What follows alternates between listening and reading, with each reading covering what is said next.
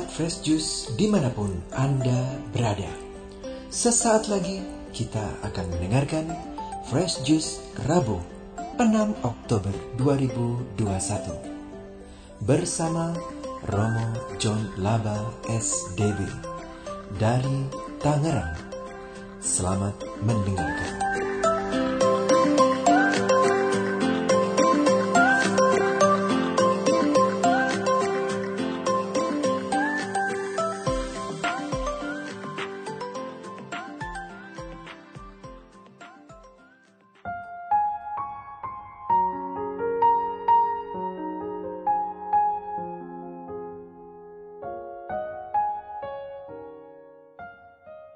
Saudari dan saudara yang dikasih Tuhan. Hari ini hari Rabu pekan biasa yang ke-26 bersama saya Romo John Laba SDB dari komunitas Salesian Don Bosco Tiga Raksa Tangerang. Saya berada dalam kapel komunitas novisiat Salesian Don Bosco, tempat di mana setiap hari saya bersama para konfrater dan juga para novis berkumpul untuk berdoa bersama dan juga merayakan Ekaristi bersama-sama. Dan tentu saja berdoa secara pribadi di tempat ini. Saya akan membaca Injil hari ini, Injil Lukas bab 11 ayat 1 sampai 4 dan memberikan renungannya. Tuhan bersamamu dan bersama rohmu. Inilah Injil suci menurut Lukas. Dimuliakanlah Tuhan. Pada waktu itu Yesus sedang berdoa di salah satu tempat. Ketika ia berhenti berdoa, berkatalah seorang dari murid-muridnya kepadanya, Tuhan, ajarlah kami berdoa, sebagaimana Yohanes telah mengajar murid-muridnya.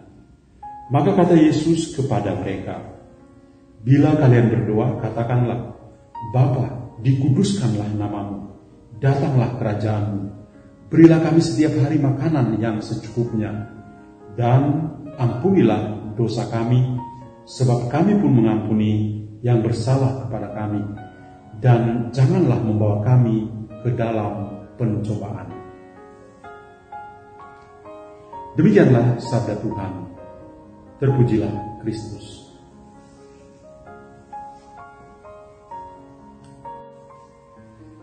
Saudari dan saudara yang saya kasih dalam Kristus, saya memberi judul renungan pada hari ini Bapa, saya siap untuk mengampuni. Saya pernah diundang untuk duduk dan berbicara bersama dengan sebuah keluarga muda sekitar lima tahun silam. Kebetulan keluarga ini saya yang memberkati pernikahan mereka di gereja. Usia pernikahan mereka saat itu baru setahun, namun mulai mengalami yang namanya ujian kesetiaan sebagai pribadi dan sebagai pasangan di dalam keluarga muda ini. Setelah duduk bertiga dan saling mendengar satu sama lain, akhirnya mereka berdua sepakat untuk berrekonsiliasi dan saling mendoakan satu sama lain. Proses rekonsiliasinya itu dimulai dengan mereka saling mendoakan satu sama lain. Kemudian mereka mengaku dosa secara pribadi dan ditutup dengan mereka saling membasuh kaki dan saling berpelukan. Pada saat mereka saling berpelukan, sang istri memandang kepada saya dan mengatakan, Bapak, saya siap untuk mengampuni suami saya karena Tuhan Yesus mengajarkan pada saya untuk mampu mengampuni. Suaminya saat itu terharu dan dia menangis Hingga saat ini mereka dikaruniai dua orang anak dan mereka menjadi sebuah keluarga yang boleh katakan keluarga yang masih muda tapi bahagia. Saya benar-benar bersyukur kepada Tuhan karena bisa mendamaikan keluarga ini, bisa menyelamatkan keluarga ini. Sungguh the power of forgiveness kuasa pengampunan. Memang mengampuni itu berarti merupakan dan bahwa cinta sejati itu tidak menghitung-hitung kesalahan orang lain. Namun kita tidak boleh menutup mata dengan masih banyaknya pribadi dan keluarga-keluarga yang sangat sulit untuk bisa mengampuni satu sama lain. Sangat sulit untuk bisa mengatakan sorry ya, maaf ya kepada orang yang sudah bersalah dan mau meminta maaf. Ada niat baik untuk datang dan mau meminta maaf. Tapi jawaban klasiknya tidak jauh berbeda. Tidak ada kata maaf atau ampun bagimu. Oh my God, rasanya manusia kok begitu sombong dan merasa melebihi Tuhan. Padahal Tuhan sendiri mengampuni dan dia juga tidak mengingat-ingat kesalahan kita. Tapi begitu sulit untuk mengampuni. Dan manusia juga atau kita masih tetap mengingat-ingat kesalahan sesama kita. Kita perlu belajar untuk menjadi malu. Kita belajar menjadi malu ketika kita membaca sebuah nyanyian ziarah dalam kitab Mazmur. Bunyinya begini. Jika engkau Ya Tuhan, mengingat-ingat kesalahan-kesalahan. Tuhan, siapa yang dapat tahan? Tetapi hanya padamu ada pengampunan, supaya engkau ditakuti. Mazmur 130 ayat 3 dan 4. Maka mari kita berusaha untuk tidak mengingat-ingat kesalahan sesama, supaya mampu mengampuni Sungguh sama seperti Tuhan mengampuni berarti melupakan. Pada hari ini kita mendengar sebuah kisah Injil yang sangat bagus. Para murid Yesus sudah beberapa kali melihat Yesus menyepi dan berdoa seorang diri. Ada kalanya dia berdoa semalam-malaman. Dan para murid melihat dia berdoa dan ketika dia berhenti berdoa, mereka meminta kepadanya untuk mengajar mereka berdoa. Sebagaimana guru mereka sebelumnya, yaitu Yohanes Pembaptis, mengajar mereka berdoa. Maka Yesus memandang mereka dengan penuh kasih dan berkata kepada mereka, Apabila kamu berdoa, katakanlah, Bapa, dikuduskanlah namamu. Datanglah kerajaanmu. Berilah kami setiap hari makanan kami yang secukupnya dan ampunilah kami akan dosa kami, sebab kami pun mengampuni setiap orang yang bersalah kepada kami. Dan janganlah membawa kami ke dalam pencobaan. Teks dua bapak kami ini tentu berbeda dengan teks Injil Matius bab 6 sampai bab 6 ayat 9 sampai 13. Dan teks yang kita baca ini kelihatan lebih singkat dibandingkan dengan teks Injil Matius. Dua versi dua, dua bapak kami ini tetaplah merupakan dua bapak kami yang diajarkan oleh Yesus. Para ahli kitab suci ada yang mengatakan bahwa dua versi dua kami ini mungkin adalah kejadian yang berbeda, terjadi pada saat yang berbeda. Namun teks lengkap dua bapak kami yang selalu kita pakai itu selalu berasal dari Injil Matius. Doa Bapa kami merupakan doa sempurna karena diajarkan sendiri oleh Yesus. Ini tentu saja. Kadang-kadang ada umat yang berdoa spontan dan mengakhiri doa spontannya dengan berkata demikian. Doa kami yang tidak sempurna ini kami sempurnakan dengan doa yang Yesus putramu ajarkan kepada kami.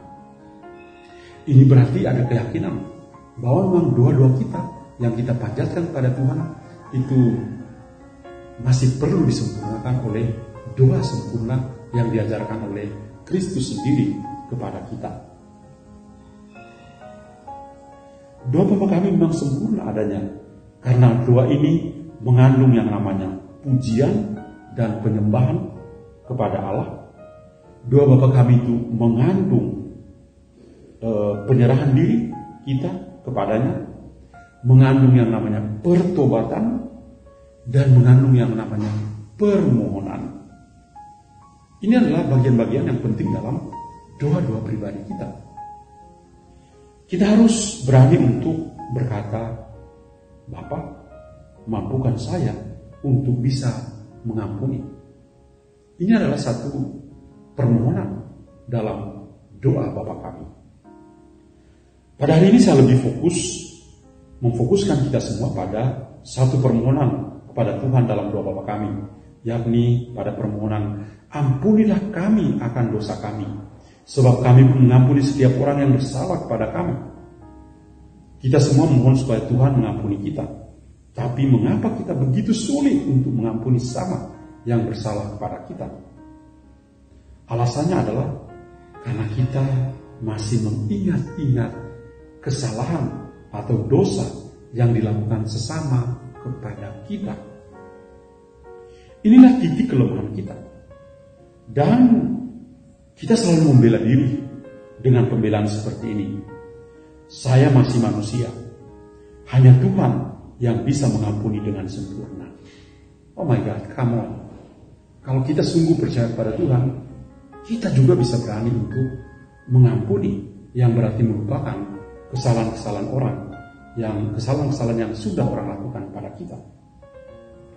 Ini betul-betul merupakan pembelaan diri kita, dan kita pun tidak merasa malu ketika kita membela diri kita di hadapan Tuhan dan sesama.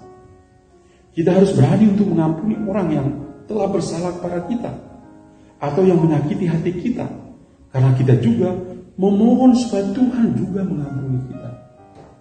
Tidak adil kalau kita memohon pada Tuhan untuk mengampuni kita dan kita tidak mampu untuk mengampuni sesama yang lain. Sikap adil yang harus kita miliki adalah berani memohon pengampunan Tuhan, bahkan dalam sakramen tobat sekalipun, berarti kita juga berani untuk mengampuni sesama yang bersalah kepada kita. Jangan pernah mohon ampun dari Tuhan kalau Anda tidak mampu untuk mengampuni atau tidak bersedia untuk mengampuni sesama yang sudah bersalah atau sudah melakukan kesalahan-kesalahan dan dosa kepadamu. Kadang-kadang kita selalu mengungkit kesalahan-kesalahan yang sudah lewat. Padahal itu sudah ter terjadi cukup lama. Tapi kita tetap mengungkitnya. Karena kita puas untuk mengungkit kesalahan orang. Tapi akibatnya apa? Akibatnya adalah kita sendiri yang menderita. Mengampuni berarti melupakan. Tuhan menghendaki kita mengampuni sesama manusia agar kita dapat diampuni olehnya. Sebab itu mengampuni sama yang bersalah sesungguhnya bukan saja demi diri kita yang bersalah. Namun sebaliknya demi kebaikan diri kita sendiri. Jadi bukan demi diri orang, sorry ya, demi diri orang yang bersalah, tapi demi diri kita juga. Ya, kenapa? Karena kita mohon pada Tuhan untuk mengampuni kita, maka kita juga berusaha untuk bisa mengampuni orang-orang yang bersalah kepada kita. Artinya bahwa kita membutuhkan pengampunan dari Tuhan. Dan Tuhan Yesus berkata, saya mengutip dari Injil Matius, karena jikalau kamu mengampuni kesalahan orang, maka Bapamu yang di surga akan mengampuni kamu juga.